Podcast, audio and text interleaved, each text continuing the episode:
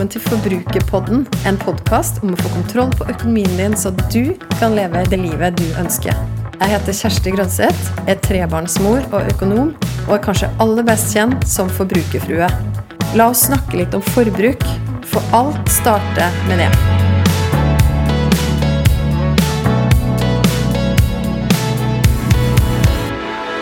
Hvorfor blir penger ofte enten et ikke-tema, eller noen gang også et vanskelig tema mellom venner? I dag har jeg lyst til å snakke om hvordan du kan være med å gjøre penger til et litt mer naturlig tema i vennegjengen, og hvordan du kan ta med deg dine prioriteringer også i møte med andre. Og På slutten av episoden i dag så er mitt mål at du skal sitte igjen med en følelse av å være inspirert til å både ta initiativ og til å tørre å stå enda mer for dine valg. Jeg husker Vi satt på en restaurant midt i Oslo for en del år siden sammen med noen av våre aller nærmeste venner på den tida. Vi hadde bestilt pizza, vin og dessert, og så kom regninga. Som den har for vane å gjøre på slutten av et deilig måltid ute. Der og da var alle framme med hver sin kalkulator og regna ut sin egen sum, etter at vi hadde forsikra oss om at det var mulig å splitte regninga, selvfølgelig. Og én etter én betalte vi hver for sirlig utregna sum, med litt tips inkludert. En av kompisene mine som var til stede den kvelden, fortalte i ettertid at dette var noe av det kleineste han hadde vært med på. At alle skulle finregne på sin egen sum. Men hva var alternativet, liksom? Åpenbart ikke at eh, han eller noen av oss andre i selskapet på rundt åtte personer bare skulle ta hele regninga. Det hadde ingen av oss råd til, men vi kunne jo ifølge han i det minste bare delt på åtte og ferdig med den saken. Det kleine var jo at alle skulle regne seg ned til minste krone, som om vi var redde for å betale for mye, eller kanskje også for lite. Prinsippet om å dele alt likt på antall gjester har jeg brukt mange ganger etter det. Og jeg er litt enig med kompisen min i at det er unødvendig å bruke tid på å finregne seg fram, når summen uansett kommer til å bli ca. lik på alle. Men ok, hva hvis du er i en vennegjeng hvor du f.eks. er den eneste som ikke drikker alkohol, eller der du ofte pleier å velge litt rimeligere retter? Hvordan kjennes det da å skulle dele alt likt? Jeg tror det her berører noe i oss, det her enkle eksempelet av den lille historien, men som handler om mer enn regninga akkurat der og da. En som heter Adam Grant, har skrevet en bok som heter Givers, Takers and Matchers. Den forteller historien om studier av arbeidsplasser og folk der, som avslører at vi mennesker stort sett kan deles i tre grupper. De som gir, de som tar, og de som matcher. Vet du hvilke av de her du kan kjenne deg mest igjen i? La meg fortelle deg litt mer om hver av de her. En som gir, den gir uforbeholdent og får en egen tilfredsstillelse av å gi. En som tar, er mest opptatt av å finne ut hvordan vedkommende sjøl kan komme best ut av en relasjon, eller en pizzadeling, for den del. En som matcher, er den som sitter og finregner for å være sikker på at alt blir likt. Og hvis du har spandert noe på vedkommende ved en anledning, kan du være sikker på at personen spanderer på deg neste gang. Som om matcherne har et slags mentalt regnskap over hva de har fått, og hva de hermetegn skylder, som de sørger for å la gå i balanse ved neste mulige anledning. Og hvis du låner penger til en som matcher, så kan du være sikker på at du alltid får igjen det du har lånt. Kanskje til og med med renta hvis det har gått lang nok tid. Og hva skjer i en vennegjeng hvis vi er veldig forskjellige? Hvor mange kleine og kanskje også vanskelige situasjoner kan potensielt oppstå? For vi kan jo være forskjellige med tanke på om vi er en som gir, tar eller matcher, men vi kan også være forskjellige med tanke på inntekt. Vi kan være forskjellige med tanke på gjeld. Det er så mange situasjoner i hverdagen hvor det kan oppstå potensielle utfordringer fordi den ene eller den andre tenker ulikt om økonomiske prioriteringer, eller rett og slett bare har en veldig annen økonomisk situasjon. Da jeg hadde vært forbrukerfrue en stund, var det her også godt kjent i min egen vennegjeng, og det er ganske fascinerende hvordan det fikk ulike utslag i sosiale sammenkomster. En gang skulle jeg på lunsj til en venninne sammen med en annen venninne som akkurat hadde fått ny jobb. Og Jeg stakk innom butikken på veien og kjøpte med en blomst til hun. Og hennes første spontane reaksjon var 'Å, så utrolig hyggelig, men har du råd til det, da?' Jeg ble helt paff og skjønte ikke akkurat hva jeg hadde utstrålt eller uttrykt som gjorde at hun trakk akkurat den konklusjonen. For meg har det jo alltid vært viktig å snakke om at jeg bruker penger på de tingene som betyr noe for meg, og at jeg sparer inn der jeg kan i hverdagen. Og det er mulig det var der det hadde blitt en sammenblanding for hennes del. Etter sakene i media om vår familie på fem som kun brukte 5000 i måneden på mat, ja det her begynner jo å bli et par år siden nå, var det liksom ikke måte på hvor mye alle skulle kommentere på alt med oss og mat, både hjemme hos oss og når vi var på besøk hos andre, eller bare når vi møtte folk på gata. I perioder så har vi valgt å stramme inn veldig på noen av budsjettpostene våre. Og mat er ofte et sted mange har mye å hente, og med smarte grep er det mulig å spise godt, om enn ikke overflod og luksus, men likevel godt og sunt, også på et veldig stramt budsjett. Og i perioder må det være greit også overfor vennegjengen. Det å tørre å invitere venner eller familie på middag, selv om du ikke har anledning til å diske opp med treretters meny, fordi du vet du da ville gått utover den potten med penger du har satt av til det denne måneden. Og det kan være krevende, kanskje særlig for stoltheten. For vi vil jo gjerne være de som kan by på det beste vi har, ikke sant? Vi vil iallfall ikke at noen skal tenke at vi ikke har råd til ting, eller at vi holder igjen på sjenerøsiteten. Da vi nettopp hadde flytta inn i nabolaget her, kom en familie vi kjente litt fra før, med blomster på døra. For en utrolig hyggelig gjest! Og da vi inviterte den samme familien hit på middag noen uker seinere, så hadde de med god vin til maten. Seinere på sommeren ble vi invitert på grilling hos denne familien. Og tidligere på dagen så hadde vi vært på storhandel i Sverige, sånn som vi har gjort noen ganger. Noen somre f.eks., hvor vi har kjøpt masse snacks og digg til en billigere penge. Og hva var vel mer naturlig enn å ta med en big bag med ostepop til denne festen? En hyggelig tanke fra min side, men da vi kom og skulle levere denne litt mindre sofistikerte vertinnegaven, så tok jeg meg sjøl i å bli litt flau. Det var ikke at de sa noe, og de ble sikkert oppriktig glade for den ostepopen, men jeg brukte faktisk lang tid i løpet av selskapet på å komme over at vi hadde gitt en skikkelig mye dårligere gave enn de. Klassisk matcher-tankegang, egentlig. Kjenner du deg fri til å ta med hva du vil til dine venner, eller er det noen uskrevne regler eller koder? Kunne du komme tomhendt til et middagsbesøk i en periode hvor du hadde andre ting du var nødt til, eller ønska å prioritere pengene dine på? Er det innafor å være åpen med vennene sine om at akkurat nå har dere faktisk ikke mulighet til å bli med ut og spise og gå på kino etterpå? Til og med nå, hvor det er en forventning i lufta om at i hermetegn alle skal ut og bruke alle pengene de har spart det siste året. Ja, alle eksemplene jeg har gitt nå, er jo åpenbart fra en tid hvor det var mulig å gå ut og spise og mulig å ha fester hjemme hos hverandre. Og kanskje har du ikke kjent så mange av de her dynamikkene på kroppen nå det siste året. Gjenåpninga av landet har starta noen plasser, så det er noen plasser man stenger mer ned igjen. Men uansett så vet vi at vaksina kommer, og etter hvert så skal vi få lov til å gjøre alle de her tinga igjen på et eller annet tidspunkt. Alle de tinga som vi gleder oss sånn til. Men det siste året det har skapt større forskjeller mellom oss, det faktisk. Og det er lett å få inntrykk av at alle har spart utrolig mye penger i 2020 alle fikk igjen på skatten, og alle står klare med lommeboka for å ønske aktiviteter, fester og restaurantbesøk velkommen når alt åpner igjen. For vår del personlig er ikke 2020 det året vi har spart mest penger. Det året hvor inntekten ble litt redusert, hvor vi gikk konkurs med familiebedriften, og hvor vi investerte i noen nye prosjekt.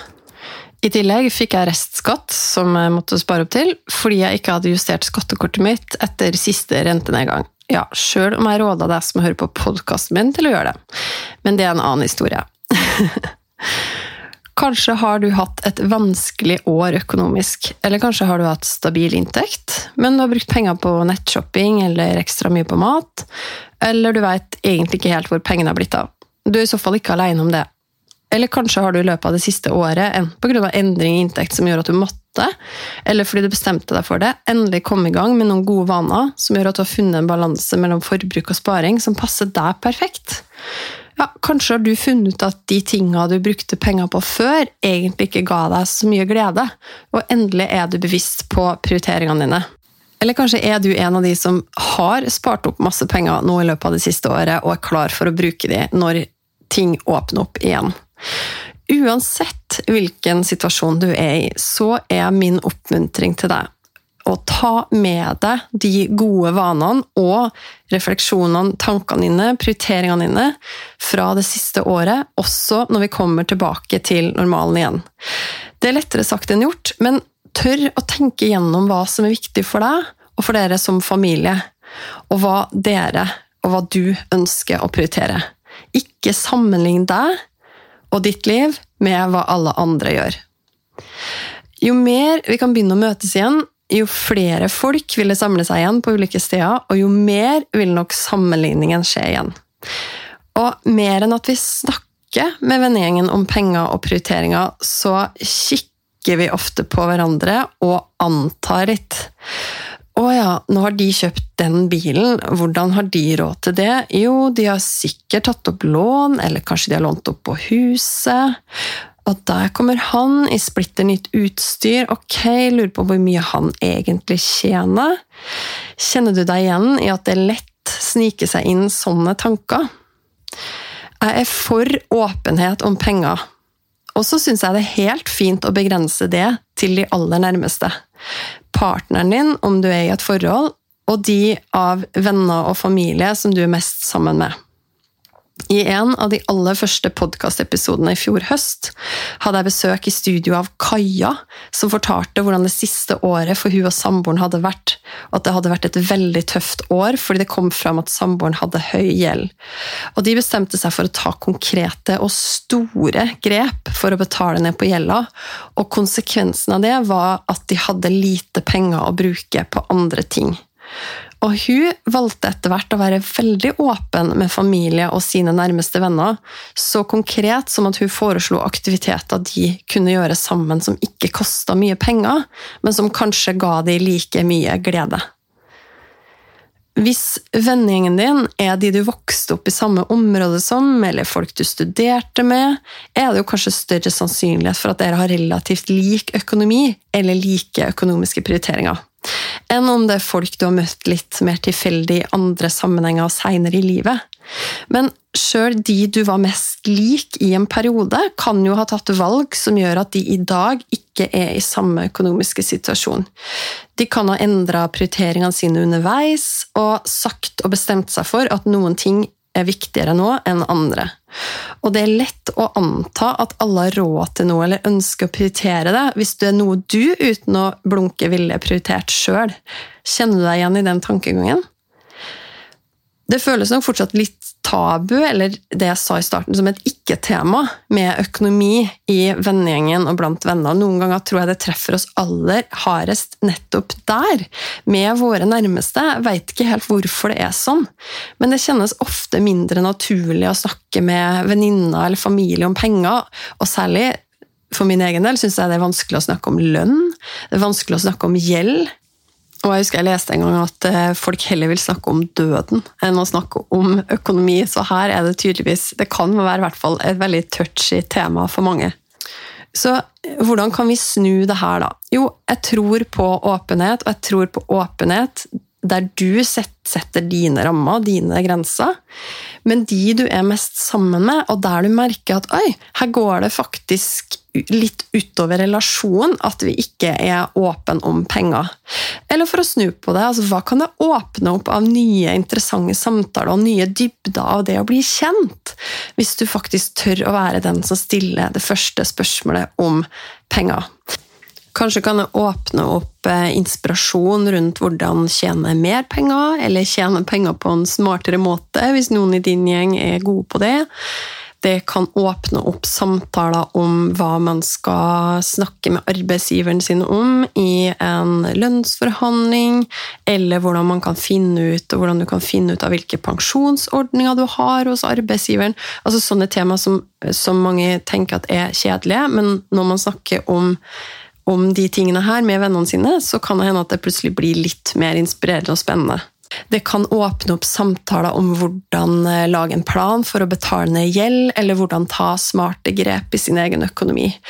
Og du kan bli overraska over hvor lik du egentlig er noen andre, kanskje gjerne på de områdene du trodde at du skilte deg mest ut, og der du trodde at det var du som sleit med et eller annet, så kan det godt hende at de du åpner deg opp for å snakke med, også har tenkt på det samme, eller strever med noe av de samme tankene eller perspektivene, eller rett og slett bare prioriteringene. Så min oppfordring er å tørre å åpne opp og snakke med dine nærmeste rundt deg om penger, og ikke minst om prioriteringer. Og kanskje kjenner du det i magen bare av tanken. Eller kanskje blir du nysgjerrig på hvordan en sånn samtale kunne sett ut og hørtes ut. Og istedenfor å kikke på fra litt avstand eller anta, begynn å spørre. Og hva med å starte med å invitere til en kveld med gode venner hvor du setter det temaet penger og økonomi på agendaen? Og for å bli litt konkret og praktisk med deg, så har jeg da fire konkrete forslag til spørsmål du kan bruke som la oss kalle det samtalestartere når du ønsker å sette temaet på agendaen. Og bare basert på de her fire spørsmålene, så er jeg sikker på at dere kan komme inn på det meste av temaet innenfor penger og økonomi. Så her kommer de. Nummer én hva er den beste økonomiske avgjørelsen du har tatt? Hva er det dårligste økonomiske valget du har tatt? Tre. Hva er det du syns er mest krevende i din egen økonomi i hverdagen akkurat nå? Og nummer fire. Dersom penger ikke var en begrensning, hvordan ville livet ditt sett annerledes ut, tror du? Og med noen sånne spørsmål, og samtalene og svarene, og samtalene som følger i etterkant, så tenker jeg jo at uh, igjen, det er jo helt opp til deg hvor åpen du sjøl ønsker å være. Og det samme vil jo, de samme grensene vil jo vennene dine sette også. Men jeg tror som sagt at det kan være starten på noe veldig bra, og at det blir mer naturlig for dere også å ta opp tråden etter en sånn her første kveld, en sånn første samtale. Så jeg anbefaler deg, og oppfordrer deg til å gå ut og prøve. Teste ut det. Invitere vennene dine, og still de noen enkle spørsmål som kan være starten på noe veldig bra for vennskapet. Og du, lov meg at du fortsetter å være tro mot deg sjøl og dine prioriteringer, også i tida som ligger foran. Ikke lur deg sjøl til å tro at du blir lykkeligere av å bruke penger på det de du sammenligner deg med, bruker penger på. Lev ditt liv! Bruk dine penger. Finn heller de folka som du kan være åpen med, og sett ord på det. Del dine prioriteringer med dem. Del dine valg som ikke er de du er mest stolt av. Snakk om gode valg du har tatt, ting du er fornøyd med. Del drømmer. Del konkrete mål. Inspirer hverandre. Og hold hverandre ansvarlig på gode vaner som dere ønsker å beholde. Ingenting er jo som det, som en venn som kan følge deg opp på de gode vanene som du ønsker å ta vare på. Og på slutten av måneden, og på slutten av livet for den del, så vil jeg at du skal kunne scrolle kontoutskriften din og smile fordi du har brukt pengene dine på det som betyr noe for deg. Jeg vil gjerne vite hva du tenker etter å ha hørt episoden. Så koble med meg på Instagram. Der finner du meg som Forbrukerfrue. Send meg en melding. Tagg meg gjerne i Story og del episoden her hvis du likte den. Eller send meg spørsmål. Og husk å abonnere på podkasten Forbrukerpodden, så får du beskjed hver gang det kommer en ny episode. Vi høres!